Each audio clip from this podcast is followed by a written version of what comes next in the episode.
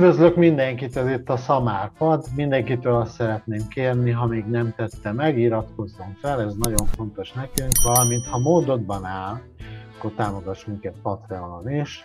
Az eheti vendég Csintalan Sándor. Szia Sándor, köszönöm, hogy ja. elfogadtad a meghívást újra. Szeretettel. Ma 2021. október 14-e csütörtök van, és mivel szombat az utolsó nap, amikor szavazni lehet a előválasztás második fordulójában, arra gondoltam, hogy próbáljuk meg esetleg így közösen levonni az elmúlt néhány hét tanulságait, Valamint beszélhetünk arról is, hogy milyen kampányra lesz szükség, mik lesznek az ellenzék legfontosabb teendői áprilisig, mi le, lehet számítani a Fidesz részéről, és esetleg jósolhatunk is a végén egy győztest illetően, ha van kedved. Egy hónapja tart már igazából ez az előválasztási kampány, és amit én legjobban élveztem eddig, hogy a média figyelem teljesen erre irányult azokban a médiákban, amiket én követek, és végre az ellenzék sem a Fidesz-szel foglalkozott állandóan, uh, hanem uh, amit mondol, hogy, mi, hogy mit mondott a Fidesz, mit tett a Fidesz, és amire egyébként úgy sincs szerintem hatása igazából az ellenzéknek, hanem saját magával és a feladataival foglalkozott, és igazából szerintem a Fidesz szavazói figyelmét is elvonta, vagy sikerült megszólítani őket is ezzel. És nagy siker az szerintem, hogy sok embert sikerült nagyon bevonni ebbe az előválasztásba, meg ebbe az egész diskurzusba, és megindult egy vita a vége felé már a programokról is, megmozdult tulajdonképpen az egész ellenzéki oldal, és az eddig passzívak is elkezdtek a politikával foglalkozni. Szerintem ez, ez különben akkora siker volt, vagy akkora siker ez, hogyha a Fideszben van túlélési ösztön, szerintem szervez magának egy hasonló ilyen jelölt állító előválasztást. De komolyan mondom. Azt mondtad az egyik kötött fogás adásban egyébként, hogy borzasztóan örülsz ennek, és hogy nagy élvezettel követted ezt, mert hogy, ez, hogy ennek hogy milyennyire innovatív ez a politikában. Az a helyzet, hogy uh,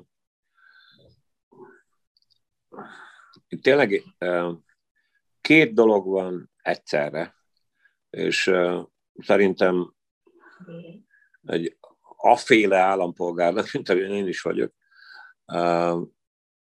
ezt el kell tudni különíteni egymástól. Nevezetesen van egy őrült nagy politikai, ha úgy tetszik, nemzetpolitikai haszna, és nem csak az ellenzék számára, hogy ez a, az intézmény Magyarországon először, már hogy Magyarországon először, megvalósult. Egy kicsit anekdotikus megjegyzést hozzáfűzhetek a dologhoz.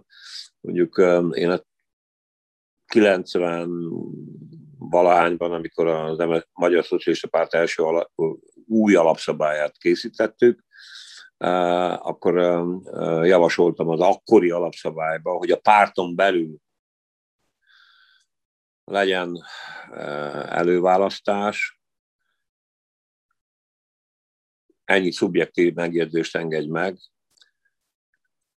Nagyon, nagyon fontos intézmény. Egyrészt 101 néhány éve Magyarországon erről lehet olvasni belterjes a politikai elit, és az elitet most nem minősítő jelző értelmében mondom, hol volt ennek minősítő jelző értelme, hol nem, de jellemzően inkább nem. És az előválasztás az esélyt és lehetőséget ad arra, hogy új szereplők jelenjenek meg a politikában, amiben nem az új ságnak van jelentősége, hanem az, hogy van egy belső mobilitás. A munkaerőpiacon a politikusi foglalkozás is egy szegmens a munkaerőpiacnak. Az, hogy van mobilitás, az nagyon fontos. A másik dolog az az, hogy a szereplők, akik jelen vannak ebben, hogy viselkednek és mit csinálnak. És nagyon észnék kell lenni abból a szempontból, és nekem ez egyébként személyesen is őrült nagy erőfeszítéseket igényel, hogy ezt a két dolgot elválasztom egymástól. És egyébként pedig a politikai éleslátásomat ne zavarja az meg, hogy egyébként a szereplők hogy viselkednek. Úgyhogy változatlanul a fejlemények fényében is, meg az új számok ismeretében, nevezetesen azon számok ismeretében, hogy, hogy őrült sokan jelennek meg. És ezt a jelzőt nem tartom túlzó jelzőnek, mert egy előválasztás, hát a nemzetközi tapasztalatokra erős mértékkel vagyok hajlandó figyelni, mert ugyan az analógiák fontosak, de ez mégiscsak Magyarország a maga kultúrájával, a maga identitásával, a maga történelmi és kulturális előzményeivel. Tehát nem vagyok hajlandó abba, abba belemenni, hogy például éppen most néztem egy beszélgetést, hogy hát Amerikában is durva az előválasztás. Jó, hát úgy különben most hagyd legyek már ennyire ócska, hogy úgy ebben a kontextusban szarok Amerikára. Engem az érdekel, ami így történik. Mm. És hát nem volt olyan később durva egyébként szerintem. Ez, ez, ez egy mondatot szoktak idézni, ez a Kamala Harris, mikor Joe Bidennek azt mondta, hogy mint fekete kislány, az ő politikájának köszönhetően utazhatott ki, vagy kellett utazzon külön a buszon, vagy külön buszon, tehát ilyen szegregáció volt abban az államban egyébként. Aha. De amúgy nem volt annyira durva, és hát sőt, hát igazából az sok jelöltel, ott azért a sanders akkor a, a Youngnak hívták azt hiszem ezt az ázsiai-amerikai vállalkozót, meg másokkal uh-huh. is nagyon keményen elbántak. Tehát azok úgy nem jutottak be, tudod, utána már, hogy azokat így kvázi tényleg így ellehetetlenítették már az előválasztási kampány során. És például a Sandersnek nagyon sok támogatója volt. Na mindegy, ez hosszú. Jó, figyelj ide, a dolognak az a lényege, hogy hogy Amerika hol tart, meg milyen állapotban van, az egy dolog. Most itt van egy előválasztás, ezzel, ó,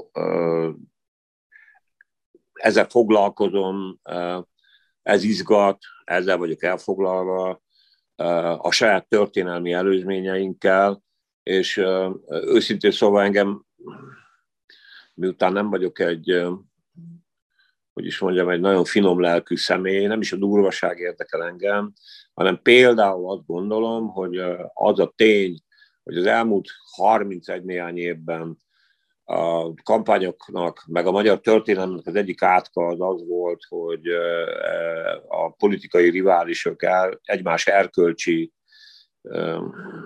okkal, ok nélkül, nagyon sok esetben okkal, erkölcsi emberi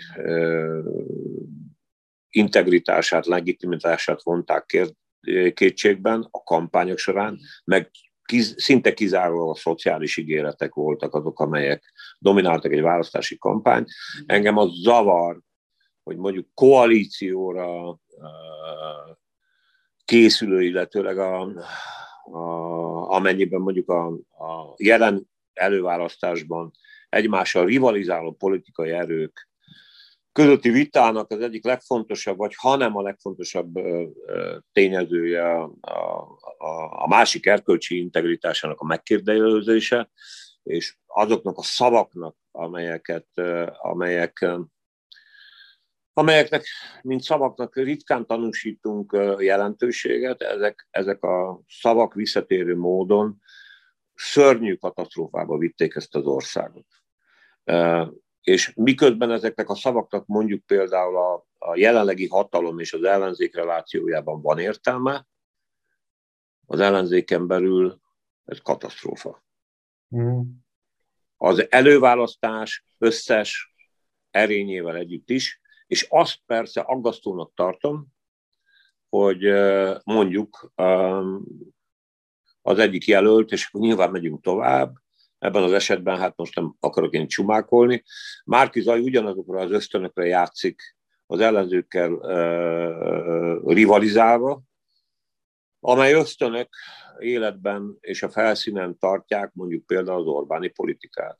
Hmm. Lehet, hogy ő tudja jól, és ő érti egyébként ennek a magyar nemzetnek a lelki állapotát, és erre játszik, de őszintén szólva én ezt helytelennek tartom, még akkor is, hogyha egyedül maradok ezzel a véleményemmel. Mm. Mert ez nem vezet semmi jóra. Mondtad, hogy a szereplők, hogy az ugye érdekel ebben, például, hogy a szereplők hogyan viselkedtek. Arra gondoltam, hogy jó, érdemes lenne esetleg végigmenni, a, hogy hogyan, pár mondatban, hogy hogyan teljesítettek a különböző jelöltek. Ugye nagyon sok, vagy tehát elég sok vitát láthattunk a választókerületi jelöltek között, például a Partizánon, és három miniszterelnök jelölti vita volt a televízióban, aminek a folyamányaként ugye egy jelölt visszalépett, ugye Karácsony Gergely, egy jelölt és pártelnök lemondott, vagy kvázi megbukott, az Fekete Győr András, a rossz szereplés miatt. Igazából Jakab Péter pedig úgy tűnik, hogy most kivár, hogy, vagy lehet, hogy, hogy tényleg megvárja tényleg a szava, az eredményt, és akkor utána fog mozdulni. És így ez alatt ugye letisztult a jelöltek száma két személyre. Én ugye a Fekete, nekem Fekete Győrtől is többet vártam volna, akkor Jakab Péter szereplés az mindenki számára meglepetés volt. Én Fekete Győrt azt egyébként úgy látom, hogy őt Hát volt egy ilyen partizán interjú, ami szerintem ő ilyen karaktergyilkosság áldozata lett igazából, és utána több helyen is őt így nagyon betámadták, kvázi ilyenekkel, hogy ő nem egy ilyen nagyon okos szereplő, hogy nem felkészült, hogy nem ez a nem alkalmas erre a feladatra. Jakab, azt nem tudom, ezt, te egyébként ezt hogy kommentálnád a Fekete Győrt? Mert én ő benne egyébként nagyon bíztam, mivel, ugye a fiatal jelölt, azt gondoltam, hogy ez hozhat a konyhára. Figyelj ide, egyrészt még most mondta egy nagyon fontos dolgot, nagyon fiatal. Először is én az előválasztáson résztvevő egyik szereplőt se tartom bukott szereplőnek.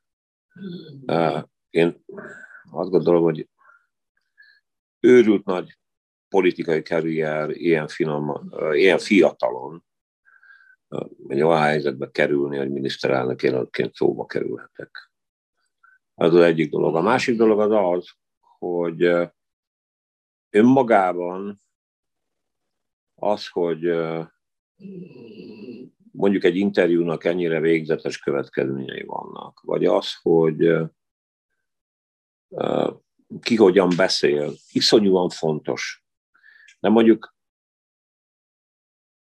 azért azt nem felejteném el, hogy a Fekete Győr végül is egy zöldmerülős beruházás keretében csinált egy pártot. Az, hogy az embert néha pofán vágják, és egyébként néha rosszul szerepel, és ráadásul egy ilyen fiatal ember esetében, hát őszintén szólva, de nyilvánvaló volt, ahol van öt induló, ott egyébként lesz egy vesztes. Vagy kettő, vagy miután három ember juthatott az első fordulóba, ilyen formán kettő mindenképpen vesztes. És mondjuk például az előválasztásnak ebből a szempontból is van egy hallatlan fontos hozadéka, hogy helyzetekben, konkrét szituációkban látjuk a politikust. Nem csak annak alapján, hogy mit mond magáról, hanem annak alapján is, hogy ebben a nagyon éles szituációban adott esetben milyen döntéseket hoz. Én szerintem a Fekete Győr, eh, ha hosszú távon számolunk vele, akkor most például egy olyan politikus eh, van szerencsénk a személyében megismerni, aki egy ilyen minősítés után, mert egyébként tényleg végül is nagyon kevés szavazatot kapott, képes levonni azt a tanulságot, hogy kér maga ellen egy bizalmi szavazást, a bizalmi szavazás eredményét elfogadja, bevállal egy szerepet, majd persze kiderül, hogy tényleg tovább biakban is ilyen lelkesedéssel csinálja el azt, amit csinál, és a többi, és a többi, és a többi. És ráadásul a magyar történelem első közösségi alapon önként vállalt, megállapodáson nyugvó, szabad felek, nem valami közjogi kényszer eredményeképpen kialakult szabad felek által létrehozott választási szisztémában az eredmény tudomásul veszik kultúráltan, és ebben a folyamatban részt vesz. Én őszintén szólva büszke lennék arra, hogy ennek egyáltalán részese lettem, és hogy a közönségnek is azt ajánlom, hogy hogy hát ez a javaslatom nyilvánvalóan, mert ez a véleményem, ezt respektálja. Majd meglátjuk. Majd meglátjuk. Okay. Mi lesz ő belőle? Én, én azt nem vártam nyilvánvalóan, hogy ő lesz ennek a nyertese. Mm. Szerintem, hogyha esetleg azt gondolta, hogy, hogy ő fog nyerni, akkor persze hibát követel. A, a Jakab esetében lényegében ugyanezt gondolom. Ráadásul egy olyan pártelnökről beszélünk, aki a pártját átnavigált egy pártszakadáson. Mondom, pártszakadáson. Ez érdekel? Jó, azt akartam mondani, hogy érdekes, hogy ezt az így nagyképűen hangzik, hogy nem veszik észre az emberek azért egy közösség szakadása az nem akármilyen játszma, főleg politikai szakadása, és ezt, ezt többé-kevésbé sikeresen végigcsinálni, és jelölté válni, ez nem akármi. Ha tanulnak belőle, és tanuljanak belőle, a Jakab iszonyúan tehetséges debattőr, nem nagyon jó szónok, ez mind-mind kell a politikához, annak alapján, hogy amúgy ezen kívül csak ezt az egy dolgot tudjuk, és ezt a csapot, ezt idézőjelben teszem, hogy egy pártszakadást rendesen végignavigált, ráadásul egy 180 fokos fordulatot, az nem semmi. Nem gondolhatta komolyan, hogy ennek alapján uh, már, mit tudom én, be, belekerül az első háromba. Úgyhogy uh, én díjazom, megsüvegelem őket, nagyon remélem, hogy ebből mindenek előtt azt a tanulságot mondják le, hogy provokatív legyek, hogy ucsítsa, ucsítsa, ucsítsa, tehát tanulni kell, tanulni kell, és ne tűnjenek el. Ezt kérem tőlük is, személy szerint függetlenül attól, hogy politikailag az én rokon szemben velük kapcsolatban hol áll. Az, hogy a választások után hogy fog alakulni a magyar párstruktúra, az aztán meg hát csak nagyon halványan, halványan függ össze az ő személyükkel. Összefügg nyilván, de hát azt majd meglátjuk. Na, beszélünk erről még. És szerintem Jakabnak egyébként, ha, ha lezá, lement ez a második fordulós eredményedetés, szerintem neki lesz újra szerepe majd, esetleg szerintem egy ilyen árnyék kormány kialakításában, vagy a későbbi megállapodásokban biztosan. Úgyhogy ő visszajöhet még ebbe szerintem ebbe a hogy hát a, a izé is visszajöhet, nem párnak is, nem pártelnök is statutum, vagy státuszon múlik, a fegyőni pont így. Hát azért itt figyelj ide, bárki is lesz, a, ha az ellenzék győk, ezt tegyük hozzá. E, bárki is e, e, alakít kormányt, uh-huh. ha az ellenzék győk, hát bizony itt egy széles koalíciót kell egybe tartani. Uh-huh és ahhoz bizony emberek kellenek, és a koalíciókat képviselő emberek. És hogy egyébként majd a kialakuló frakció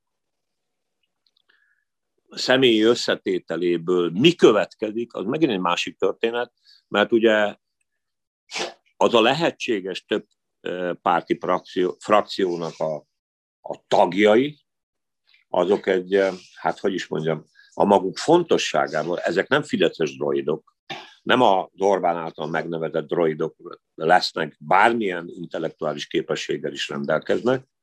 Ezek az emberek mind azt gondolják, hogy joggal, hogy ők egyébként szabad parlamenti képviselők. Hát, hogy abban a frakcióban, abban a széles frakcióban, több párti frakcióban, ezt idézőjelben mondom, eh, hát hogy is mondjam, hogy sikerül többséget teremteni, az nem egy egyszerű dolog, azzal együtt, lesz nyilván a közvéleménynek egy nyomása. Folytassuk a még a Karácsony Gergelyel, mert ő az is egy ugye nagyon izgalmas volt, az ő helyezkedése, nem tudom mennyire volt ez tudatos, vagy tényleg csak így alakult, de ugye a visszalépése, ami végül is a visszalépéséhez vezetett. Én egyébként hajlamos vagyok őt így többre értékelni, mint szerintem az átlagos emberek. Én, én, le, én azt gondolom, hogy ő neki már régebben megfordulhatott ez a visszalépés a fejében, csak azért, talán azért húzta sokáig, mert próbált egy ilyen, még jobban megtolni ezt a, hogy még, jobb, még nagyobb média figyelmet koncentrálni az ő lépésére. Szerintem ő sokat is nyert egyébként ebből a lé... Én úgy gondolom, hogy ő ebből profitált ebből a visszalépésből. Ugye nagyon sok kreditet kapott Márki Zajtó, például ezért rengetegszer megtapsoltatta, stb. stb. Lehet, hogy egy, az ő szavazói között nem mindenki tolerálta ezt, de na mindegy, ezt majd meglátjuk. Szóval én gondoltam arra, hogy ő, ő végül is már mm, szándé, hogy ez, a, ez régebben ért benne ez a dolog. És lehet, hogy tényleg abban is lehet valami, hogy bár ő volt ennek, azt hiszem ennek a előválasztásnak tulajdonképpen az egyik értelmű szerzője, azt hiszem, hogy ez az ő kezdeményezése is volt, hogy azért is volt és... ebben, nem biztos, hogy azért, mert feltétlenül akart miniszterelnök lenni. De ez... Ugye, Egyrészt most, hogy a választás, előválasztásnak ilyen őrült nagy ö, sikere van, hála az égnek. Én nem gondolom, hogy eredményt kéne hirdetni abban a tekintetben, hogy ezt kitalálta ki. Amúgy egyébként a politika elit ebben az értelemben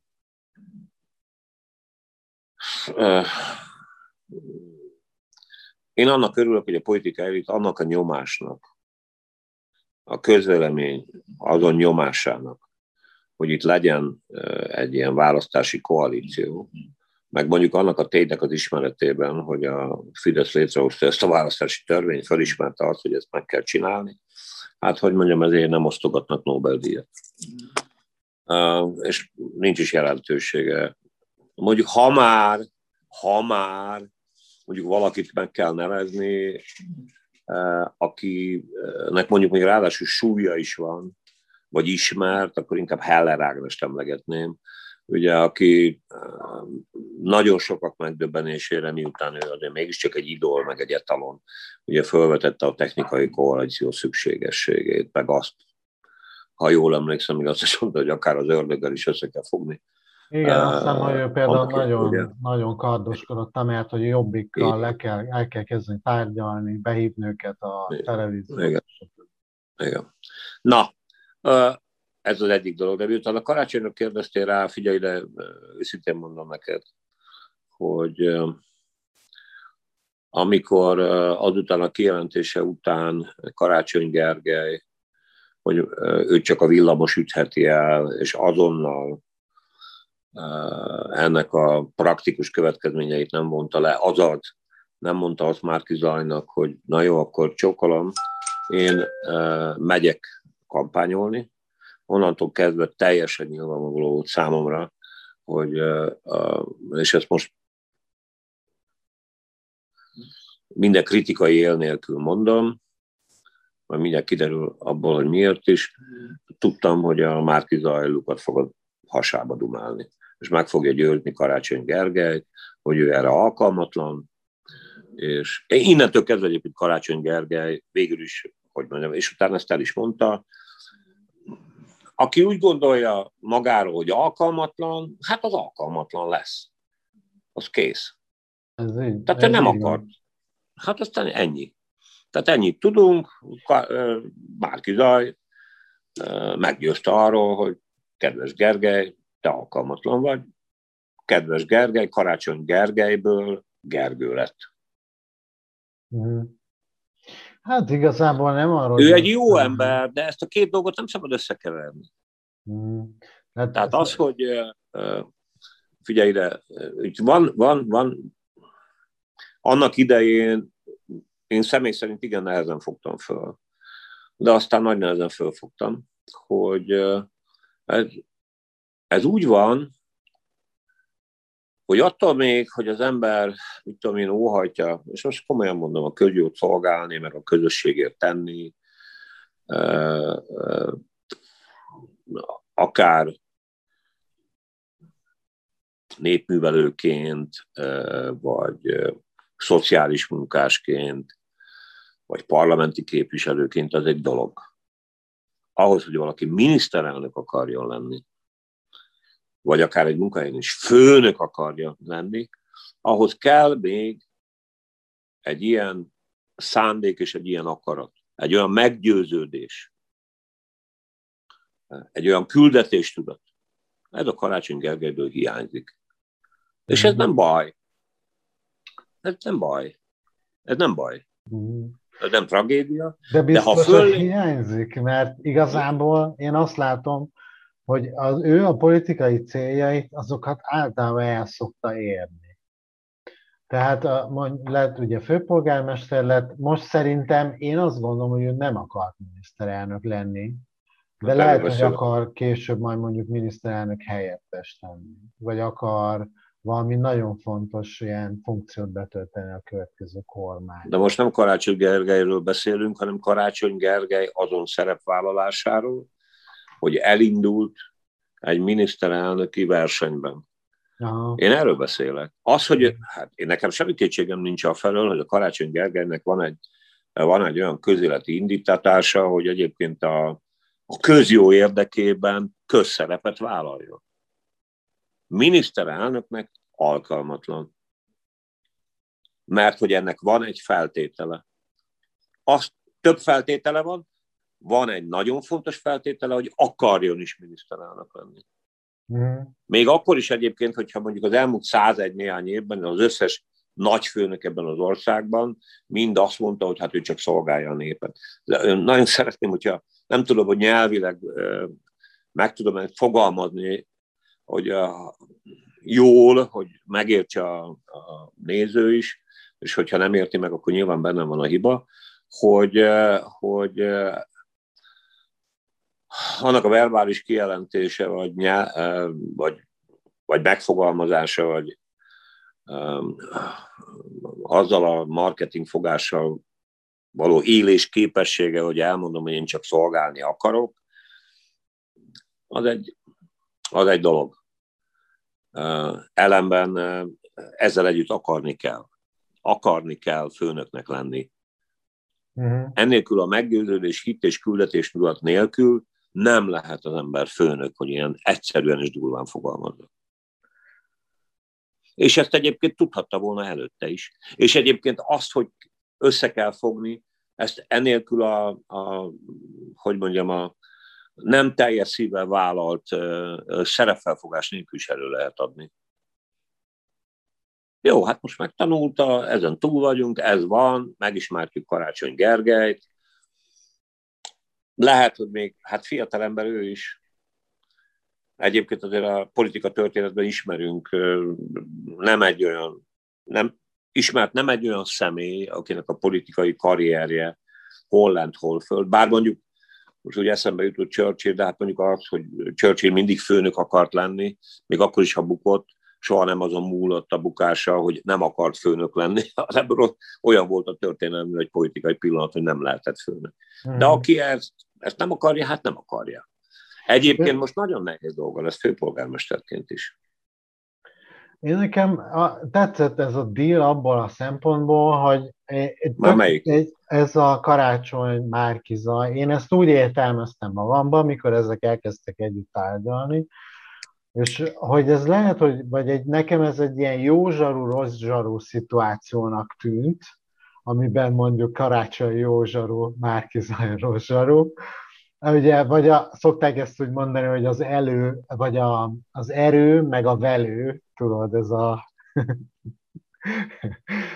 ez ilyen Márkizaj, az ilyen enforcer, hogy karácsony az, az végül is az nagyon jó, hogyha ott marad a főváros élén, ugye a választások után is, az egy nagyon fontos bástya a főváros, azt meg kell tartani, és ugye Márkizaj pedig miniszterelnök lesz, és akkor így ketten nagyon jól tud, összedolgozni, és így gyakorlatilag azért a főpolgármester is két millió embert képvisel. Te figyelj ide, mm. igen, hagyj vágjak ebben a szebb pillanatban a szabadba. Jó. Tudnélik, jó, de ezt előtte is lehetett tudni, és nyilván nem kell, meg egyáltalán sem külön, jó, a hülyeségeimet nem adom elő. Ha valaki olyan nagyon kíváncsi lenne, vagy annyira érdekelne, meg volna jelentősége a múltan, de nincs. Én mielőtt ez az egész történet előállt,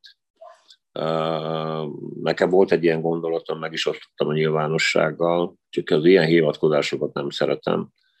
De most kénytelen vagyok, ha már te ezt így direktben szóba hoztad, van ehhez nekem még egy szempontom, neked tök igazad van, mert hogy én is azt gondoltam, hogy ebben a játszmában neki nem kellett volna beleállni. Mondjuk például azért se, mert ha mondjuk megnyeri a miniszterelnöki funkciót, abban a bel... ismer... tehát most nem akarom leírni, te is tudod, szerintem aki magyarul tud, az tudja, hogy itt most Magyarországon milyen közállapotok vannak, Aha. és milyen a belpolitikai helyzet. Mondjuk karácsony megnyeri a választásokat, akkor most mi is történt volna? Ki kellett volna írni egy főpolgármesteri választást. Na most ebben a belpolitikai helyzetben, amelyikben a Fidesz eléggé szisztematikusan készül arra is a maga B-verziójával, hogy elveszíti a választást, és egyébként évek óta a hideg polgárháborús hangulatot szítja. Egy kiüresített államkasszával, és szerintem azt azért egy politikustól elvárható, hogy ilyeneket tudjon, egy kiüresített államkasszával, egy hideg polgárháborús helyzetben lévő országban nem indulok el főpolgármesterként egy miniszterelnök jelölése és egy miniszterelnöki státuszért. Mondjuk persze ez most szintén olyan mondat, amikor az ég a világon semmi értelme, mert túl vagyunk rajta. De ha már szóba hoztad, akkor hagyd tegyem hozzá, hogy eleve el se indultam volna. Pont ezért. Uh-huh. Most képzeld el azt a belpolitikát, azt a belpolitikai helyzetet, a jelenlegi ismereteink alapján, amelyek még messze nem olyan forróak. Hát mióta szítja a Fidesz minden a végrehajtó hatalomban, e tekintetben fontos intézmény uraként, már hogy a választások tekintetében, ugye, belügyminisztérium, önkormányzatok, pénz, fegyver, eh, kizárólag a Fideszen múlik, hogy a Magyarországon a választás tiszta, korrekt, áttekinthető legyen. Senki máson az ellenzéknek ebben semmi befolyása nincsen. És mondjuk veszít a Fidesz ezzel az egész kontextussal, nyer a karácsony, és akkor kell írni a főpolgármesteri választás. Hát ez egy szép időszak lett volna, de ezen túl vagyunk, és el is engedhetjük. Jó. Annyit még megkérdeznék, hogy biztos, hogy ki kell írni a főpolgármesteri választást? Hát miért, hogyha nyer a miniszterelnök, miniszterelnök lesz a karácsony, akkor nem maradhat főpolgármester. De hogy választást kell kérni, nem nevezhetnek ki egy újat a helyettesét? Nem, nem, nem, nem, nem. Itt nem úgy működik, nem úgy van, mint a, a miniszterelnöknél, hogy a parlament választja a miniszterelnököt, nem a izé, képviselőtestület választja. Ez 94-ben volt utoljára így. Értem. Módosult a választójogi törvény, az önkormányzati törvény, és a polgármestert és a főpolgármestert a nép választja. Ja, tényleg, ha meghal valaki, azt is újra kell választani. Valóban, hm, igazad van. Tényleg, erre nem gondoltam. És mondjuk az a baj, hogy ők se. Akik ezért kapják a fizetésüket. Menjünk akkor át most már a két végső befutóra. Azt gondoltam, hogy kezdeném Dobrev Klárával. Én, én nagyon, tényleg nekem nagyon szimpatikus ez a nő. A, tegnap is láttam, a, vagy ez a hölgy, um, Tegnap is láttam ezt a miniszterelnöki vitát, abban is meggyőzött arról, hogy egy ilyen nagyon európér, egy ilyen nagyon okos, felkészült, szerintem nagyon jó lenne az országnak, ha lenne egy ilyen női miniszterelnöke.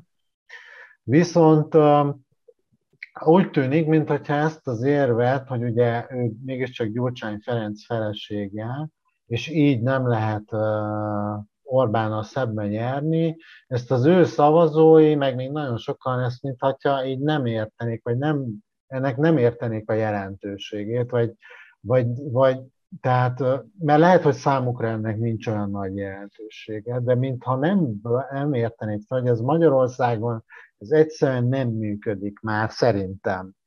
Tehát például mondjuk belegondoltam egy olyan helyzetbe, hogy mondjuk Orbán Viktor lemond, és akkor Lévai Anikó indítja majd, nem tudom, négy év múlva a választáskor miniszterelnök jelöltként, úgy, hogy Orbán Viktor a pártelnök, és ott áll mellett a sajtótájékoztatókon, és ugye elmondanánk azt, hogy ők elmondanák, hogy hát Orbánnak el semmi köze, tudod, meg ez már nem az, meg itt tudom, egy autonóm személyiség lévajánló.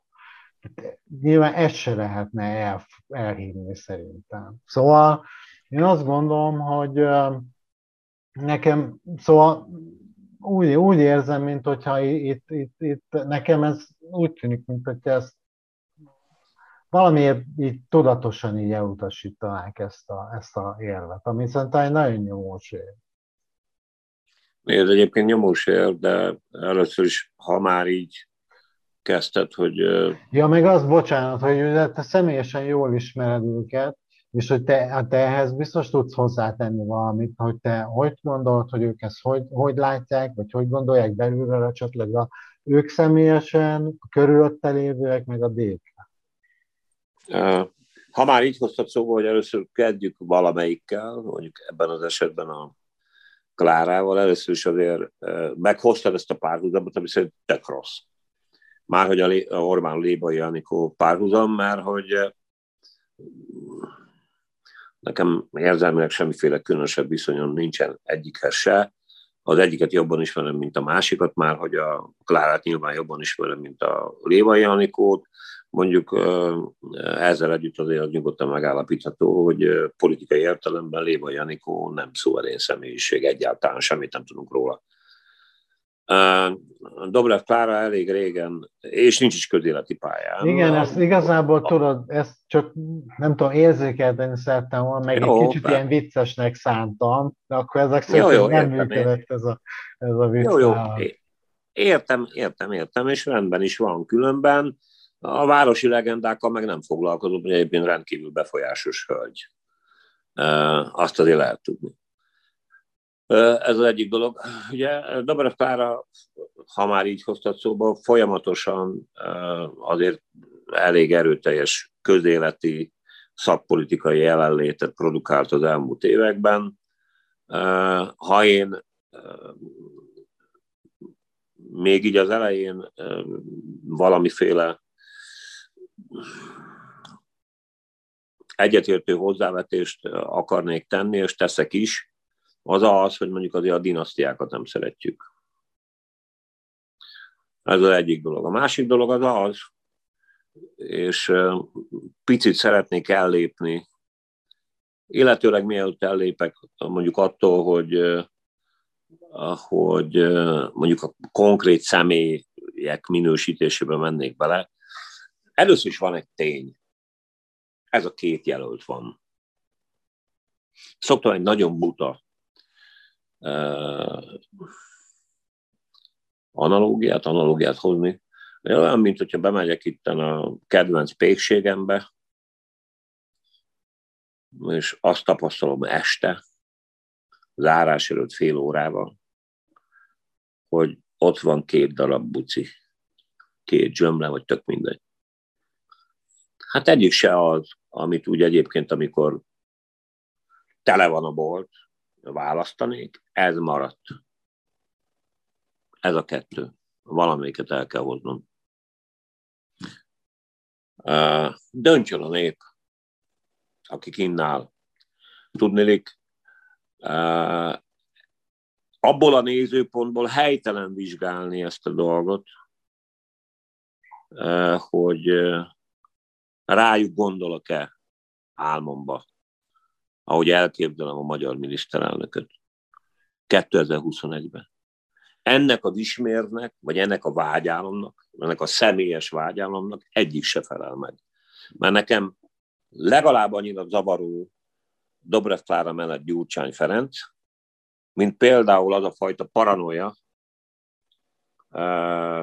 meg attitűd, ami meg a Márkizajt terheli. És akkor most mit csináljak?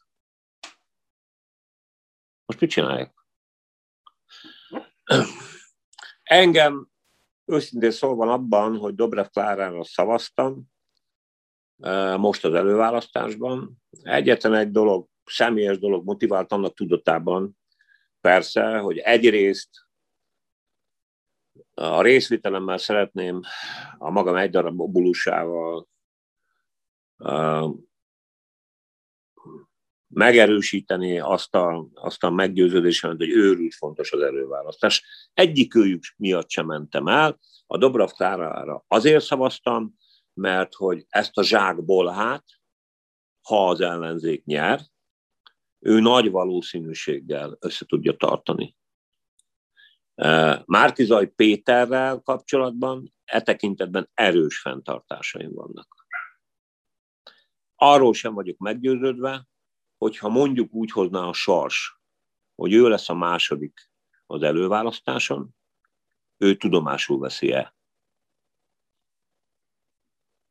Erősen nem vagyok meggyőződve arról, hogy nem fogja tudomásul venni. Úgyhogy hát itt vagyok. Most nem mondom, hogy hogy. Uh-huh. Meg kell félve. Ez tök jó. Mikor a interjút uh, ugye megbeszéltük, akkor gondolkoztam, hogy kellene hozni olyat, egy, még egy interjú alanyt, aki mondjuk Márki Zajra szava, vagy Márki Zaj a favoritja, de akkor így nem kell, mert én meg Márki Zajra szavaztam. Úgyhogy akkor ezzel itt kellemesen elvitázhatunk. Beszéljünk akkor Márki Zajról egy picit, mert a, nekem ilyen nagyon, a, azt figyeltem így az előretörését, én főleg azért, mert én nagyon, én televíziót nem nézek, rádiót keveset hallgatok, viszonylag klubrádiót néha, tilos rádiót inkább, de ott kevés. De ez nem a reklámhelye. Ez nem a reklámhelye. De azt láttam, hogy például Márki Zaj a YouTube-on nagyon-nagyon intenzíven tolta fel minden nap a videókat, ment minden ilyen nagyobb megyeszékhelyen a jelölteket bemutatta, akkor a saját miniszterelnök jelöltségét propagálta, hogy így nagyon fáradhatatlan látnom, hogy ebben rengeteg energiát tesz be ebbe a dologba. Nem tudom, a Klára mennyit, ő is biztosan nagyon sokat ment, de ő neki, talán én az ő jelenlét az nekem nem jött át ennyire. És uh, ugye nagyon annyira megugrottak az, az ő elfogadottsága, vagy a támogatottsága az első forduló után is, hogy ez nagyon, utána kezdtük el, kezdtüm el én egyáltalán őre úgy gondolni, mint egy esélyes jelölt. Tehát én nem is rászavaztam például az első fordulóban. Én sem. Aha. És Dobrev Tárára sem. Aha, jó. Én is Karácsony Gergelyre szavaztam. Aha, én is Karácsonyra szavaztam. É, sokan azt mondják, hogy például, hogy Márkizaj nagyon hasonlít nekik Trump, a, vagy a Márkizaj jelenség nagyon hasonlít nekik Trumpra, ami mondjuk abban a szempontból szerintem nem igaz, hogy én a, az amerikai uh, politikát azt eléggé követtem, és én a saját nyelvükön ugye hallottam az ő beszédeit, meg mit tudom, én nagyon más nyelvezetet használnak, meg a gondolatai is szerintem elég mások. Annyi valóban van benne, hogy ő egy ilyen anti-establishment figura, egy ilyen uh, alulról jövő, ugye nem a politika... Már hogy a Trump. Nem, a, a Márki Ja, igen. És um, ugye ezáltal úgy tűnik, hogy jobban szólítja meg így a fiatalokat, Szerintem az ilyen konzervatív keresztényeket, meg Fidesz árvákat, bizonytalanokat esetleg, meg a párt nélküliek, akik elvesztették, vagy csalódtak az összes pártba. És, de az valóban egy kicsit ilyen rejtély még, hogy mi van emögött, mi vannak ezek mögött, mert, mert ugye annyira nem ismerjük. A hódmezővásárhelyi közgyűlésekről bár láttam egyébként ilyen videókat, és tudom, hogy ott az elején például nagyon nagy ellenszélben dolgozott, meg mondjuk azt lehetett látni, hogy, hogy egy nagyon kitartó figura, de nem ismerjük őt. Szóval sokan ezt mondják, hogy ez veszélyes lehet, hogy ő egy ilyen fekete lóként befut, és nem tudjuk igazából, hogy ki ő, nem ismerjük őt. Mit gondolsz erre? Hát egyrészt, ahogy mondtam, ők ketten vannak. Az egyik engem ez a Trump analógia baromira nem érdekel, mert lila bőzön nincsen, hogy vannak fogalmaim, de nem mernék odáig elmenni, hogy egyáltalán uh, Trumpot bárkivel összehasonlítsam.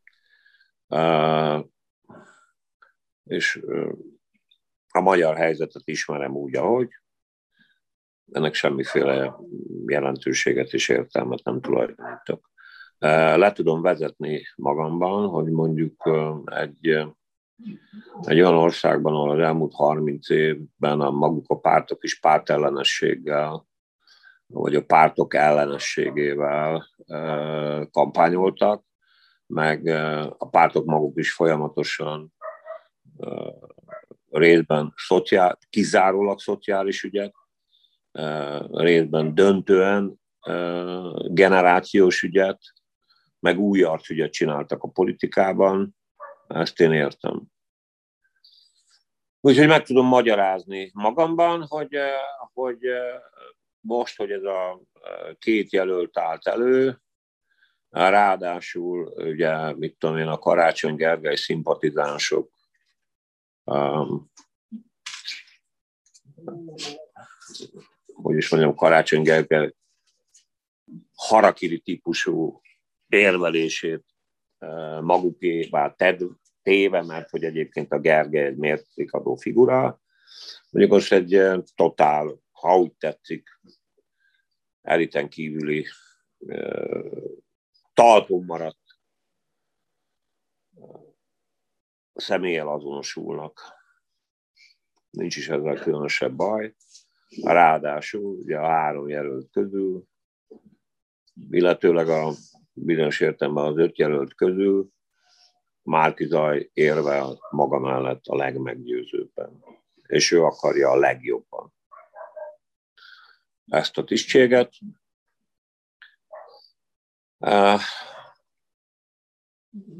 Persze, akiknek az a fajta fenntartásuk van,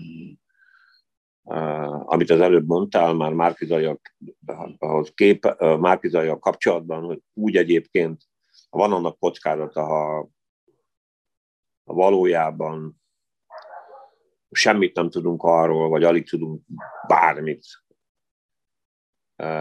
egy szeméről, akiről jellemzően csak azt tudjuk, amit magáról állít meggyőzően, és a hódmezővásárhely ebben a tekintetben szerintem nagyon keveset jelent. Hát én összeszartam magam a röhögéstől, amikor volt egy olyan közvéleménykutatási adat is, hogy e, mit gondol az ország népe, Karácsony Gergely e, főpolgármesterségéről, illetve Márkidaj Péter polgármesterségéről.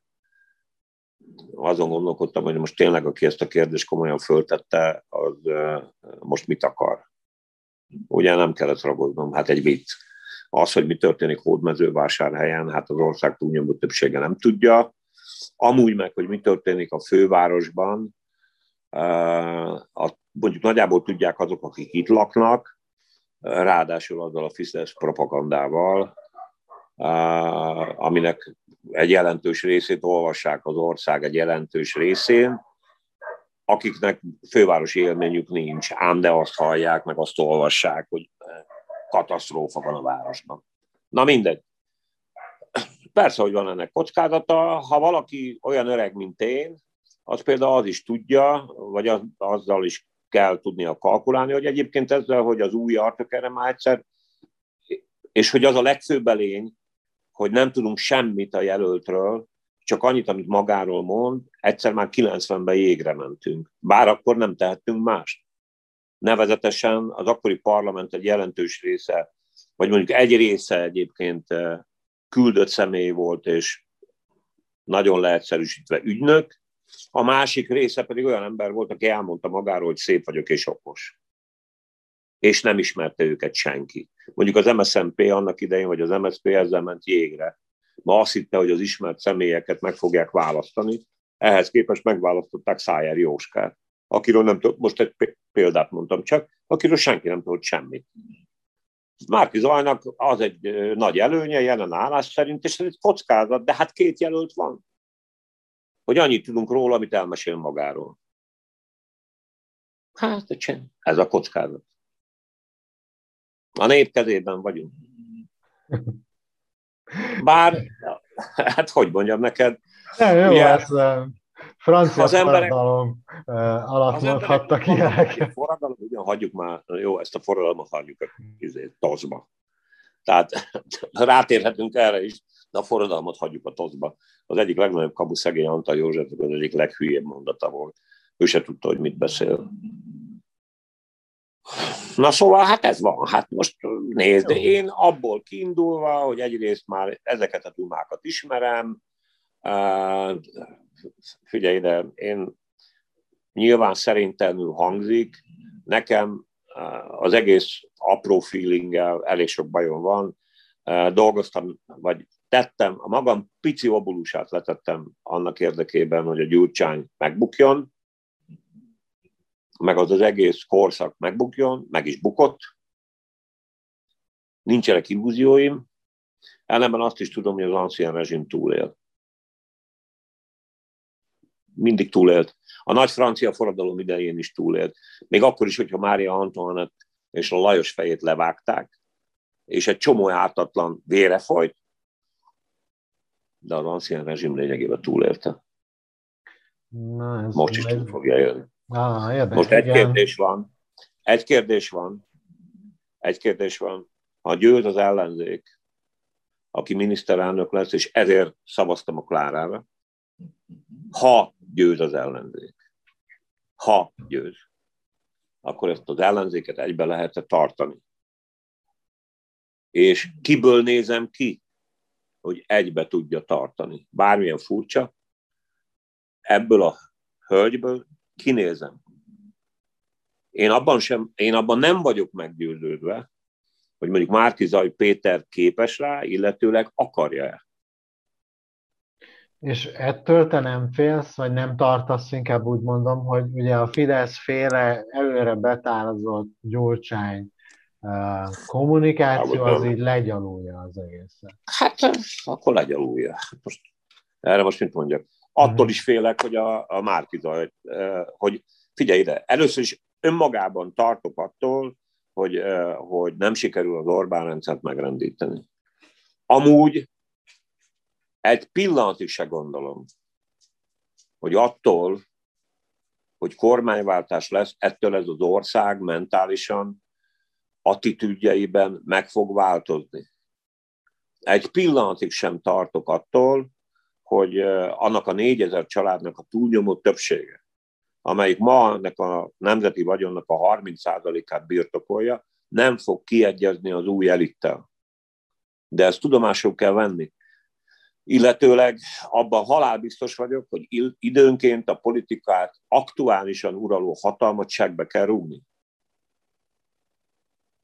Én is így gondolom. Ezt szokták mondani és... egyébként, hogy ez jó ezekkel az új jelöltekkel szemben, ez egy pozitívum, hogy ezeket azért valószínűleg vissza lehet majd hívni. Tehát nem úgy. Már honnan? Hát, hogy le lehet őket váltani a par, egy következő. Ja, hogy kialakul egy szokás. Igen. Igen. Tehát egy kultúrája ennek kialakul, mert hogy itt egyébként ráadásul azért is balomi fontos, amit most mondtál, mert ennek itt nincs kultúrája, itt mindig akkor bukott meg a rendszer, már ugye, ugye Gyurgyák szerint 12 rendszerváltás volt ebben az országban, van ebben igazság nyilvánvalóan, de mondjuk valóságos politikai átrendezés egy kis időre akkor volt, hogyha a geopolitika úgy hozta. Igen, németek, oroszok. Hát a 90-es szabadságot sem mi bívtuk ki. Van a 444-en egy ilyen kiállás számláló, azt láttad te? Nem. Ez a kiállás számláló... Ja, de ott nem tudom. Aha, ugye Leszarom. ez arról szól, hogy közötti emberek Jó, ez lett volna a kérdésem, hogy Igen. szofisztikáltabban szerettem volna megkérdezni, hogy látsz ebben valami mintát, lehet ebből valamit leszűrni, például, hogy az értelmiség mely része támogatja a MZP-t, és melyik Dobrevet. Van egy ilyen elkülönülés szerinted egy ilyen vonal? Hát figyelj, de komolyan mondom, hát egyrészt ezek ismert emberek,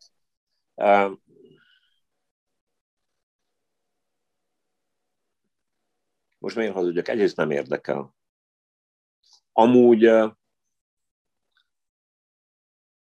amúgy különösképpen semmilyen következtetés nem vonok le belőle. Jó. Nyilván nagyon érdekes, teljes joggal, okkal, empátikusan tudomásul veszem, hogy ez a, itt, az érdeklődést, meg a olvasottságot növeli.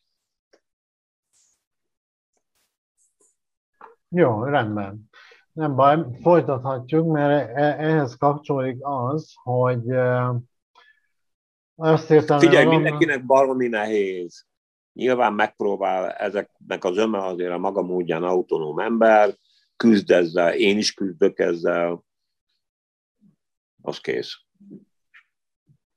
Hogy azt írtam még ide magamnak, hogy ehhez kapcsolódik az, hogy pártok, olyan ellenzéki pártok, akik tökön szúrták magukat, ezzel kapcsolatban, ezzel ugyanígy a kiállással, meg a beállással valaki mögé. Tehát például azt láttam, hogy a Momentum az nagyon jó ütemérzékkel, az beállt már kizaj mögé, ők szerintem már sejteti, hogy karácsony az majd vissza fog lépni, és közel így uh, uh, ezt letudták. Az MSZP hát, az... ebből semmit. Hagyjál a, már. Hát szerintem megmentettek sokat a renoméjukban, mert én azt gondolom, nekem az a feltételezésem, hogy aki itt most nem fog elköteleződni valamelyik jelölt mellett, azt szerintem az leératja magát itt. A, azt meg fogják büntetni a szavazók. Azt ott fogják figyelj a szavazók. Nézd, először is egy közös listára fognak szavazni. Uh, úgyhogy ez ilyen értelemben nem fog elkerülni. Úgy nem, úgy nem, ugye azok a jelöltek már meg lesz, megvannak, de viszont a, jövőre nézve szerintem nem tudom, ez nem egy jó Jó, figyelj, de ez az egész dolog nagyon meg fogja rázni. például, az garantál. Tehát az LMP, az LMP? Igen, tehát az LMP ugye ő, ne, ő azt mondta, hogy ő nem, áll, nem támogatja uh, Márkizajt a karácsony visszalépése után, mert hogy az nem egy zöld politika, ők zöld politikát, amennyiben ők azt gondolják meg, hogy zöld párt, én ezt nem, nem is értem már, hogy miért gondolják azt. Minden esetre ők most ugye ebből látványosan visszavonultak, nem álltak át a másik jelölt mögé se. Ők nekik ez a két befutó jelölt úgy tűnik nem tetszik. Hát nézd, figyelj ide, először is én úgy tekintek erre a dologra, hogy most lesz egy eredménye az előválasztásnak. Valaki nyerni fog. Kettő közül. A, a kérdés az az, az ellenzék jövőjét illetően, és őszintén szóval engem az ellenzék úgy általában érdekel, illetőleg általában érdekel az, hogy legalább ezen az elemi szinten megrendíthető-e az Orbán rendszer, a többi azok a kérdések, amire most, ha úgy tetszik, tőlem vársz választ, meg nyilván te is keresed erre a választ, az egyrészt azután fog eldőlni, hogy hogy fog viselkedni a két legfontosabb szereplő, a nyertes és a vesztes az előválasztás után. Ez mennyiben fog egy irányba hatni, és különben uh, uh, hogyan fogják folytatni a kampányt általában. Mind az öten, vagy mind a hatan. Már a hat párt és a civilek. Ha az egy irányba hat, akkor van esély egy ellenzéki többségre. Ha nem fog egy irányba hatni, e, és nem lesz meggyőző mindannak a kritikája, amit elhangzott az előválasztás során, különös tekintettel arra megosztottságra, amelyet végül is ebben a tekintetben a Márki Zaj hozott létre. Nevezetesen az, aminek ma eléggé csekély visszhangja volt, és ha ennyi műhelytitkot elárulhatok, ugye neked köszönhetem ennek ismeretét, és mondjuk másfél órával ezelőtt az egész nap után még mindig csak 7500 ember nézte meg a Márkizajnak azt a nemzethez irány ö, ö, szóló szózatát, amiben egyébként ö, a politikai riválisát és mindazokat, akik, ö, akik nem rá szavaznak, ö, ugye a Mohácsi csatára visszatekintve, ö, szapolyai hazaáruló, egyébként a hazaáruló szó nem hangzott el, de a nemzetet eláruló obskurus politikai tényezőként vannak minősítve szegény Lajoshoz képest, aki ő lenne, hogy hogy tudja visszahozni, ha mondjuk például nyár Márki Zaj. Nem tudom, hogy, hogy az elkövetkező három nappal hogyan fog ez a dilemma eszkalálódni, mert hogy az igaz ugyanakkor, amit mondtál, hogy Márkizaj esetleg hozza, erről keveset tudunk különben, hogy valójában hozza-e vagy nem hozza, a bizonytalanokat meg nem tudom kiket, de eközben pedig e, e, nagy kérdés, hogy hozni fogja a baloldali szavazókat. Ugye? Dobrev Klára úgy mond hozza a baloldalt, most függetlenül attól, hogy a maszok meg a többi mit mond, Márkizaj hozza állítólag a jobb oldalt és a bizonytalanokat, Na de hogy ez így van-e, ezt majd most egyrészt részben ki fog derülni, másrészt meg különösképpen majd áprilisban. De az előválasztás után, amit azért végig lehetett volna csinálni, ennélkül a politikai megosztás nélkül, szerintem akkor is lehetett volna rivalizálni, ha egyébként nem vagyok én, aki Dobrev Klárára szavaztam. Szapolyai és Rogán ügynök, én persze be fogok állni, tök mindegy, hogy ki fog győzni, de tényleg az összes kétségemmel és fenntartásommal együtt. Na de hát a választók közönség ezen és akkor szélesebb. Arról nem beszélve egyébként, hogy én nem hiszek abban, hogy jót tesz a magyar közéletnek az össze-vissza beszél. Hogy egyik nap szapolyai csicskása vagyok, másik nap meg kérem a szavazatodat. Meg fogom tenni. Na de hát ezért, hogy is mondjam, ez nem lesz egy stabil politikai bázis. Aha. Hát igen, mondjuk. Ja. Nagy szerencsé, hogy mi ellenzéki szavazók azért már nagyon edzettek vagyunk, és... De figyelj, de ez rendben van. Tőlünk lehet jó. kérni. Jó, figyelj, de én nyilván azért is vagyok türelmetlen, mert én 68. évenben vagyok, és most már ezek fényében azért elég kevés esélyt látok arra, hogy egy olyan országban fogok meghalni, és ezt komolyan mondom, ahol, ahol valami olyasmit fogok átélni, mint amikor a romániai falurombolás ellen tüntettünk. Én is a magam.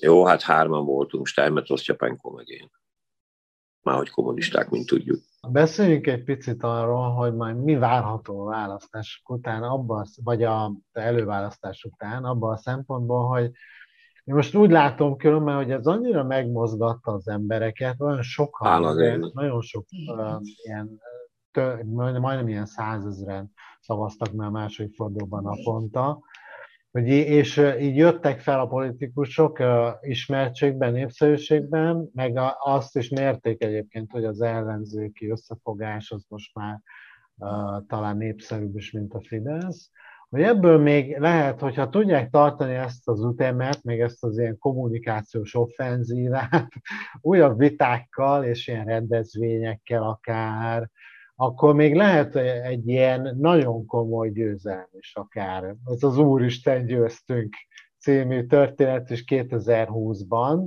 akár egy ilyen nagyon nagy Fidesz bukta is benne lehet ebbe. Hogyha jó ütemben történnek a dolgok, meg szerencsével. Például azon gondolkoztam, hogy hogyan kellene ezt az elkövetkezendő időszakot tölteni, Nekem ez egy jónak tűnik például, hogy minél jobban bevonják az embereket, például programok, vitázni aktuálisan a programokról, akkor szerintem jó lenne például felállítanának már egy ilyen árnyékkormányt, hogy ugye kik, kik lehetnének lehetséges miniszter jelöltek, és ugye felkészülni, menni, menni, menni, te szoktad ezt mondani, hogy ugye több hány ezer kilométert kell lemenni egy ilyen kampányban. Mit gondolsz erről, hogy Mika, te most egy kicsit bizakodóbb lettél a kilátásokkal kapcsolatban 2020-ra? Ugye egyrészt ugye az ember hangulatát és bizakodását részben meghatározza az álkanapi élmények, másrésztől meg ugye az ember politikai éleslátását, a reményei is meg tudják zavarni. Én nem tudom, hogy mi fog történni, mert ez a szereplőkön múlik. Jelenállás szerint, amennyire ismerem őket, benne van a pakliban, hogy, és ebben reménykedem, néhány elszólásból ezt a, ezt a reményemet fenn is tartom. Van arra esély, hogy mondjuk például elég gyorsan, ha igaz az, hogy van, és úgy tűnik persze, hogy igaz, hogy van egy, egy alapvető program megállapodás, és arra kell sort keríteni, és remélem, hogy ezt meg fogják tudni tenni, tök mindegy, hogy ki fog nyerni, hogy ezekkel a programelemekkel elkezdenek házalni. Hogyan is? Például úgy, hogy én az emlékeim szerint annak idején a 94-es győzelemhez, úgy mondjuk mit tudom én, az ügyvívői körnek, amely kvázi úgy működött az MSZP esetében annak idején, hogy volt egy ilyen árnyékkormányszerű történet. Én ezt nagyon fontosnak gondolom, hogy egy ilyet létre tudjanak hozni, de hát ehhez kettejüknek, akárki lesz a győztes, meg kell állapodni. Nyilván azzal, hogy nem garancia arra, hogy mondjuk ennek az árnyékkormánynak a, a vezető képviselői mind e, miniszterek is lesznek, mert egyébként az árnyékkormánynak nem csak a miniszterek tagjai, ha úgy tetszik, kvázi.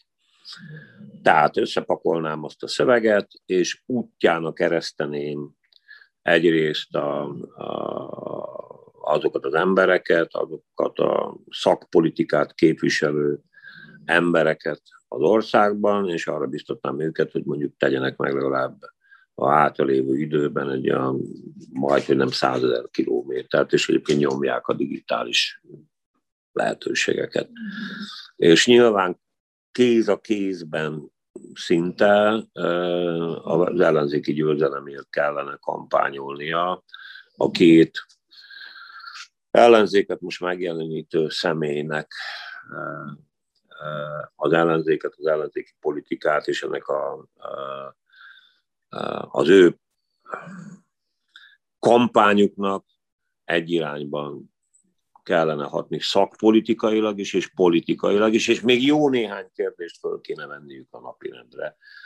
Mondjuk például engem csak úgy zárójelben nagyon, nagyon, nagyon hiányoltam eddig a nagyon egyszerű részben külpolitikaként interpretált kérdést, úgy, mint az Uniót, ami szerintem nem egyszerűsíthetőleg külpolitikára, mert szerintem nekünk a, az unióval kapcsolatos viszonyunk az egyben egyébként belpolitika is. Úgyhogy igen, hogyha ha, ha a választási győzele, vagyis a választ, az előválasztás eredményhirdetése után egy-két nappal azt fogom látni, hogy, hogy kiáll Dobrev Klára és Márkizaj Péter mondjuk akár egy héten belül közösen egy sajtótájékoztatóra mondjuk, és ott elmondják, hogy hogy fog kinézni a hátralévő néhány hónap az országgyűlési választásig, akkor, akkor optimista vagyok. Ha ez nem így fog történni, akkor persze amúgy megtökön szúrom magam. Szerinted úgy látod, hogy az ő sorsuk most ezzel így teljesen így összekapcsolódott Dobrev? A mi sorsunk. Vagy az ő, tehát ez a két személy ez összekapcsolódott a, a Abszolút. Akárki lesz a győztes, először is nem az ő sorsuk, ami mondjuk engem annyira nem hoz látba, hanem a mi sorsunk. Abszolút. Akárki lesz a győztes. Neki Akár. közösen kell igazából majd. Ez így van. Ilyen miniszterelnök, miniszterelnök helyettes akár, vagy ilyesmi is, nem? Hát figyelj olyan párba, mint mit tudom én, az amerikai előválasztás után a adott esetben a demokrata párt elnök jelöltje és alelnöke. Hmm. Most az, hogy ez milyen jó, ez nyilván szokatlan. Jó, ez is egy ócska demagógia, hogy ja, és akkor nem osztogatunk tisztségeket. Az a helyzet, hogy tisztségeket viselők fogják képviselni a politikát, és fognak döntéseket hozni.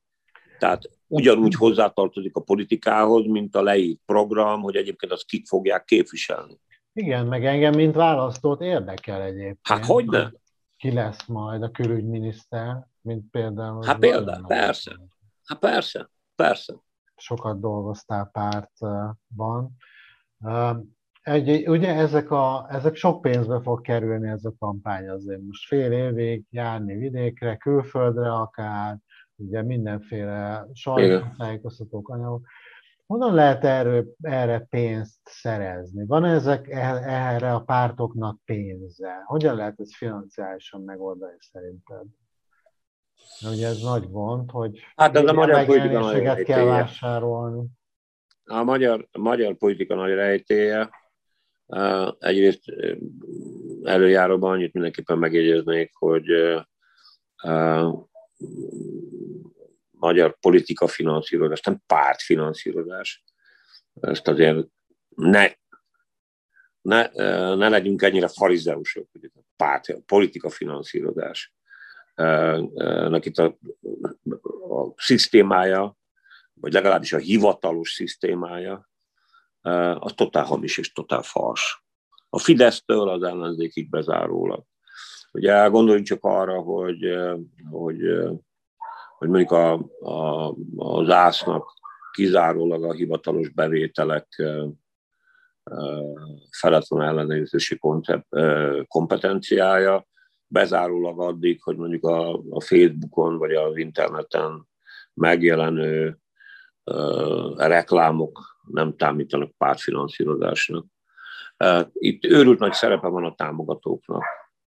Az biztos, hogy egyszerűen a helyzetből és a dramaturgiából adódóan nagy bizonyossággal állítható, hogy aki az ellenzék finanszírozásába beszáll a mai jogi körülmények között, az, hát hogy is mondjam, nyilvánvalóan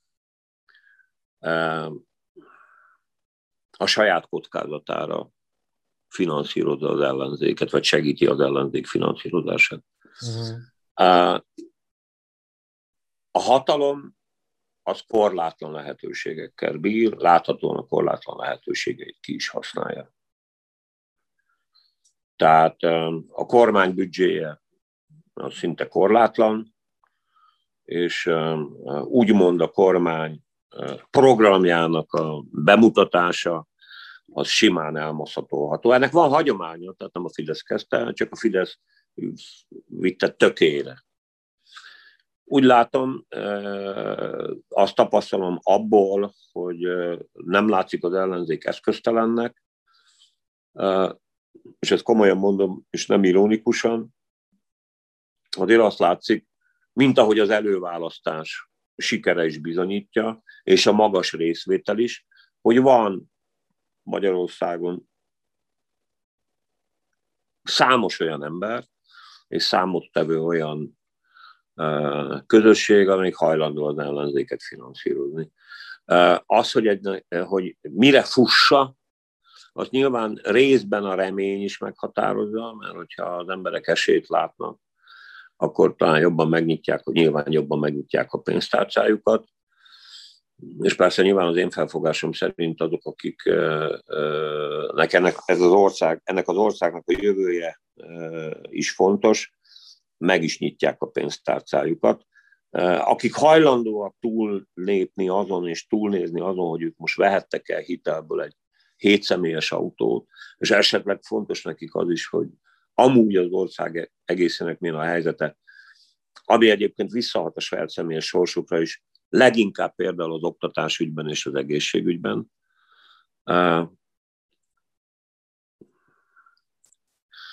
És fölfogják annak a veszélyét, hogy mondjuk ez a kurzus, amit a NER képvisel az Orbánnal az élen, az miközben elrohan mellettünk a világ, vissza akarja fordítani a saját hatalmi stabilitása érdekében ennek az országnak a történetét mondjuk a lassan-lassan a középkorba, azok megnyitják a bukszájukat. És ezt bárki úgy gondolja, hogy ez most túl általános mellébeszélés volt, pont azért merem állítani, mert tapasztaltam, megéltem mindazt, amit te most mondasz, vagy amire hivatkozva föltetted a kérdést.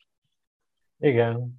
Hát ugye gondolom, itt ugye egyrészt tényleg, amit mondta, ezek a mikrofinanszírozások is, de mit tudom én, például Bige László az nem régen mondta, hogy nagyon támogatja bármilyen ellenzéki összefogást, a, a bármilyen eszköz. Hát figyelj ide, hát 10 milliót költöttek reprezentatív közvéleménykutatásra néhány évvel ezelőtt, mm. vagy néhány hónappal ezelőtt, vagy tavaly, mm. ugye amikor a, a, a, megcsinálták azt a tizenvalány ezres mintát, Hát igen. Nem Akkor nem tudom, most egy nagy Sándor is úgy tűnik, mintha kicsit olyan közeledőbb lenne most valahogy az ellenzéki a politikusokhoz. Figyelj, én nem, én pont azért, mert megéltem az elmúlt 90 óta, sőt, mi több foglalkoztam konkrétan egy pár gyakorlati üzemeltetésével, mit tudom én, ez egy... Látszik, hogy van azért, van, a, van az ellenzéki előválasztásban pénz. Hát látszik azért, egy csomó mindent nyilván finanszírozni kellett. A sátrakat, a molinókat, a, az utazást, a üzét. De, de hagyd tegyek hozzá valamit. Több mint tízezer ember ingyen és bérmentve egy héten keresztül, most már lassan két hete összességében, energiát, pénzt, de leginkább a saját energiáját, munkaidejét, szabadidejét, érzelmi erőforrásait mozgósította annak érdekében, hogy egy abszolút szabadon, önkéntesen vállalt, elképesztő munkát elvégezzen. Igen, ez jó, hogy mondod, mert ez óriási dolog. Ó, hát ez őrület. A, amit a hang csinált, a, meg, a, meg a civil választási bizottság, meg a számoljuk meg, vagy mit, hogy is hívják azt a, mindegy, elnézést kérjük. Tehát ez valami elképesztő. Mm, és Tehát vannak itt az országért valóban felelősséget viselő emberek nagy számban. Igen. Én arról nem tehetek, hogy nem tudok neked erre a kérdésre számot, erre a kérdésben valójában konkrétan érdemben válaszolni. Hát a dolog onnan el van cseszve, amikor 90-ben ugye a ránk szabott szabadság ideológiájának az egyik eleme az volt, hogy amúgy a több pártrendszer olcsóbb lesz, mint az egy pártrendszer. Egy nagy szart.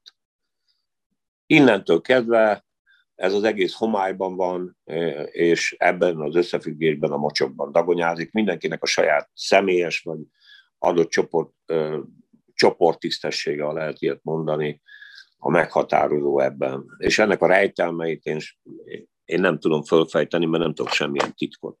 Figyelj, de ez egy jogos kérdés, annyira jogos kérdés, hogy például az egyik nagyon fontos dolog, amit tiszt, ha rendbe kéne rakni ebben az országban. Az és nem gondolom persze, hogy egyik napról a másikra sikerül, ebbe az utcába jól belementünk. Ebből az utcából kijönni nem lesz egyszerű dolog. Uh-huh.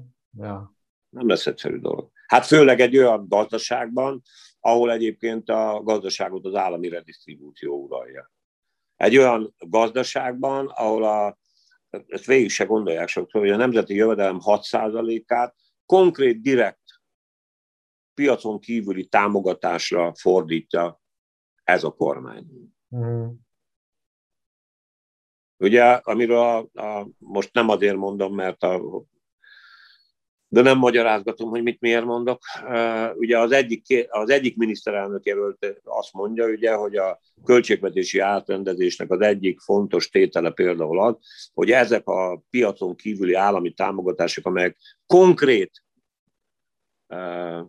adhok, ha úgy tetszik, adhok kiválasztott gazdasági szereplők számára mennek, hát ennek egy jelentős része visszajön nyilvánvalóan egyébként részben pártámogatásra is azzal együtt, hogy az én állításom az az, hogy az ilyen korrupt pénzeknek a túlnyomó többsége marad is magánzsebben, minden ellenkező híreszteléssel szemben. Sokan gondolkoztak azon, hogy mi lesz majd most esetleg a Fidesz taktika itt a... Ugye úgy tűnt, hogy ez látványosan léket kapott, meg összeomlott a Fidesz taktika a, a Gyurcsány embere, a Stop Gyurcsány, Stop Karácsony kampányuk sem működött már az elejétől kezdve elég szánalmas volt szerintem, de aztán miután karácsony visszalépett, meg tényleg teljesen ilyen okafogyottá vált. És sokak szerint viszont ugye erre, ők erre már kész, erre készültek, és erre uh, lőtték be az egész elkövetkezendő időszaknak a kampány stratégiáját, hogy majd karácsony fogja megnyerni ezt az előválasztást.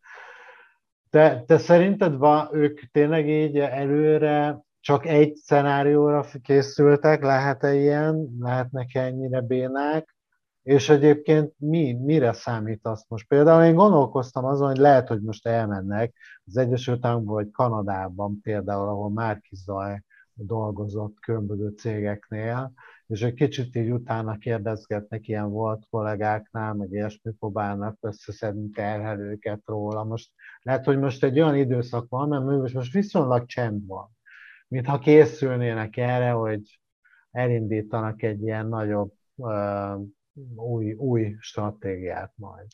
Meg, vagy látsz már nyomait, hogy megszületett már valami új? Nem, szerintem nincsen csend, és egyébként régóta elég nyilvánvaló, a stratégiájuk kezdve onnantól, hogy megcsinálták ezt az új választójogi törvényt, aminek, aminek most egyéb szempontokon kívül a legfontosabb,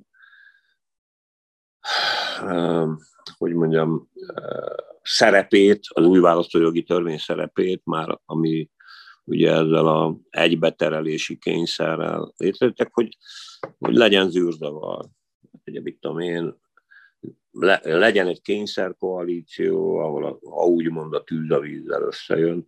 Amit most látok, az a, az, az, az hogy legyen zűrzavar.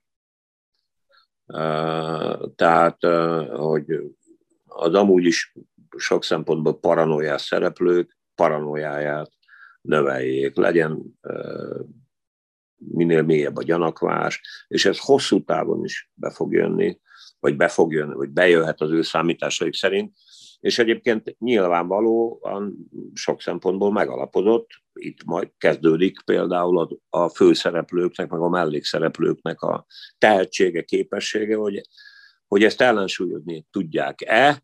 Én nem nagyon, figyelj, de ennek a, ezeknek a konkrét ilyen típusú lejáratosoknak nincsen jelentősége. Ehhez képest az, hogy hogy a saját tábor fele a kommunikáció az, hogy ezek komolytalanok, viccesek, infantilisek, debilek. Ez megy a saját tábor felé, hogy ezek képtelenek és alkalmatlanok. Alkalmatlan, káosz. Igen, a, a, a megosztott ellenzéken belül pedig a bizalmatlanságot, a paranoiát, a hisztériát kell kelteni, és az alaptónust az az adja meg, ennyiben egyébként emlékeztet a, a, az Egyesült Államok beli Trump kampányra, hogy ezek csalók, hazugok, választási csalásra készülnek, az előválasztás is csalás. Én egyáltalán nem tartom kizártnak, sőt, majdnem biztos vagyok benne, hogy annak a káosznak a, az elindításában komoly szerepük van, hogy a, a felek azzal hülyítik és szédítik egymást, már hogy most a két részre szakadt kampány közösségre gondolok itt, hogy, hogy csalnak a dékások, ugye legújabban most már az a hír is járja, meg azt, azt, azt is forgalmazzák, hogy csalnak a, a, a márkizaisták, és ennek a fokozását e, igyekeznek elérni. A kérdés az az, hogy az érintett szereplőknek van-e annyi eszük, hogy rájátszanak erre. Ezért nem értek egyet azzal a nemzethez szóló videóhoz. Sajnálom, hogy ezt kell mondanom, de hát most már egyébként ugye akció, reakció, erre fog játszani a Fidesz. Én nem akarom ezt mélyíteni, nem hiszek, nem akarom, és nyilván nem annyira fontos, hogy én mit mondok, meg mit gondolok. Én ezt rossz útnak látom, őszintén szólva ma délelőtt, amikor ezt a vagy sajnos egy kicsit későn, ugye megnéztem azt a videót, ahol uh, ugye Márkizai előadja, hogy és akkor a tiszták koalíciója kontra szapolyaisták, kontra Orbán Rogán Dobrev. Ez rossz út. Erre játszanak. Mm. Ezt élezik. Igen, értem. Ezt élezik. Meg kell állni. Meg lehet állni egyébként a izé után is. Ez három nap még. Nagyon remélem, hogy megállnak és befejezik. Én azt gondolom egyébként... Félve kelek föl, hogy holnap mi lesz ebben a tekintetben. Mert szerintem kicsit ezt ilyen túl tragikusan látod, de nem vagy ezzel egyedül. Egyébként Magyarország ismerőseim között többen így gondolják, én ezt, ezt sokkal ilyen, úgy, inkább úgy élem meg, egy, egyfajta ilyen izga, izgatottságban vagyok állandóan, de én úgy azt hiszem, hogy ez egy hét múlva ez el fog múlni egyébként az eredmény. Figyelj, itt az elmúlt 30 évben a választási kampányoknak egyik fundamentális eleme, hanem a legfontosabb, a másik erkölcsi integritásának a kétségbevonása, és ezt, ha úgy tetszik, most tényleg olyan kifejezést fogok használni, ami még akár furcsán is hangzik, nemzetpolitikai értelemben tragikus. E, itt még ettől lehetne pofoszkodni, az ég áldjon meg, ezt te is értsd már meg. Ettől még lehetne ez konfliktusos. Nekem nem a, a, radik, a kampány radikalizmusával van. Hogy az Istenbe kerül ez a csizma az asztalra? Hmm. Amúgy megmondok, e, ilyeneket is, hogy, hogy abból hűít, jó, hát ebben persze a, a, a közvélemény infantilizmusa is benne van, ez persze a hülyék országa, hogy is akkor elmennek a fideszesek szavadni. Hát, cseszétek meg. Úgy van, hogy az előválasztáson e, a jelenlegi magyarországi formák szerint egyébként nem pusztán csak pártagok mehetnének el. Ráadásul most gondold el, nem tudom mennyire uh, tudod, Magyarországon az összes párt összes tagja nincs annyi, mint a Bécsváros Szociáldemokrata Szervezetének az összes tagja. Sőt, a töredéke. Ha itt csak a pártagok mennének el szavazni, eh, akkor nem is tudom, hogy nagyjából fél nap alatt lemenne az előválasztás. Tehát nyilvánvalóan mindenféle színű emberek mennek el, akárha. Lehet, hogy fideszesek is. Hát, amúgy meg ebben az országban nagyon kevesen tudják egymásról, hogy milyen pártagok különben ám minden ellenkező híreszteléssel szemben, azon kívül meg tagdíjat nem szeret senki se fizetni. Azt gondolják, hogy a párt az valamiféle tőlük független izé, úri passzió, miközben tőlük meg elvárják, hogy a hada sorsáról felelősen döntsenek. Úgy, hogy ők nem vesznek részt. De az előválasztás most az első olyan aktus, a rendszerváltás óta, ahol tényleg tömegesen megjelennek az emberek sokszoros a, a résztvevők száma az összes párt tagjának. Sokszoros. Igen, igen. Sokszor, sokszoros. Nem, a, a Fidesz az ellenzéki káoszban érdekelt, és erre játszik. Hát nem tudom, nem akarom népszerűsíteni, és nem is fogom, hát elképesztő, mik, miket tolnak föl, akár a DK, akár a Márki Zaj nevébe az interneten. Hát ezért gondolom, ez most már filozófia, enged meg nekem, ha már beszélgetünk, ami nekem már nagyon régen meggyőződésem, ugye mostanában megint mennek ezek, hogy a Facebook mekkora átok, meg hogy rohadjon meg, meg egyáltalán. Az a helyzet, hogy a, a totális nyilvánosság előhív egy olyan kényszert, ami egy evolúciós kényszer lesz az emberiségnek, az embernek képesnek kell lennie ebben, a, ebben az elképesztő információ özönben kiválasztani a megfelelő információkat, és hogy egy ócska poént szüssek el. Szóval azért a könyvnyomtatás nem felel azért, hogy megjelent a Hitler Mein Kampfja. Igen, igen.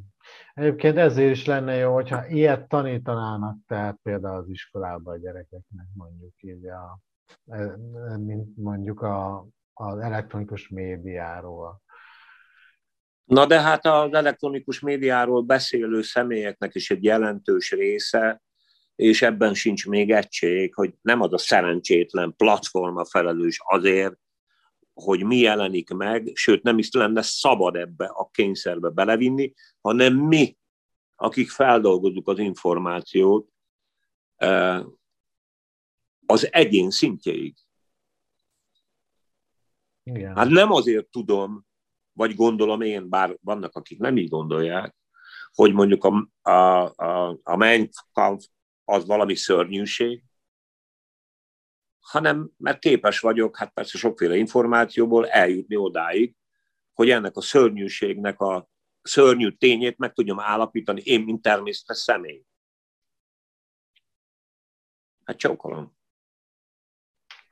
Hát igen, de tudod, ugye felelős vagy azért tényleg, hogy mit osztasz meg, mit olvasol el, mire kattintasz rá, de egyébként hát most arról megy. Most nem ezt... azért vagyok felelős, ebben neked nincs igazad. Én ne, például megnéztem. De, de, de, de. Hogy mire kattintok hogy mire kattintok rá? rá. Hm? Hát figyelj ide, én hát egyébként felelős vagyok abban az értelemben, hogy a, a lehetséges mértékig csak mindenre. Én nem tartozom azok közé, akik azzal büszkélkednek, hogy mit nem olvasnak el. Most tegnap például láttam jó, már meg nem osztottam, de megnéztem egy, egy a, a Istenem, a, a 300 című filmet láttad nyilván, tudod? Igen, a, igen. Izé. És megjelent, megjelent egy olyan videó, amit a Márki Zajhoz kötöttek, ami a termőpüléi csatának az analógiájára, ott egy a DK lejáratásáról készült ez a izé. Aha. Most mindegy. Megnéztem, és örömmel láttam, hogy jó néhányan, nem szoktam kommenteket nézni, de most egy új helyzet van, és ez nem azért mondom, egy új helyzet mert hát nagyon kíváncsi voltam a reakciókra, hála az égnek voltak jó néhányan, akik azt mondták, hogy ez kamu. És így is van. Tehát tudnom kell azt is, hogy mi a kamu. Uh-huh. Képesnek kell lennem megítélni. Persze. Hogy ezt persze. a szart, ezt a szart, hát nyilvánvalóan azzal a céllal valamilyen megfontolásból, a propagandai ügyi minisztériumban állították össze azért, hogy hogy hergeljék a DK-sokat, hogy milyen izék a mártizaisták. De ezt meg kell tudni ítélni, és ezt a végén én ítélem meg, nem más. Nem kell nekem ahhoz egy überegó, ha kell, akkor nagy baj van, mert ugyanott tartunk, ahol a part Nagyon köszönöm Csintalan Sándornak, hogy megosztotta velünk a gondolatait. Mindenkitől azt szeretném kérni, aki nem tette meg, még iratkozzon fel, és támogass minket Patreonon, ha módodban áll. Nagyon köszönöm a mindkettőnk nevében, azt hiszem mondhatom, hogy nagyon köszönöm Igen. azoknak, akik a, azoknak a civileknek, meg önkénteseknek, akik ebbe az előválasztásba dolgoztak, óriási munkát végeztek, és nagyon sokat tettek szerintem a magyar közéletérnek demokráciáért. Köszönöm, Sanyi. Így van. Hello, én is.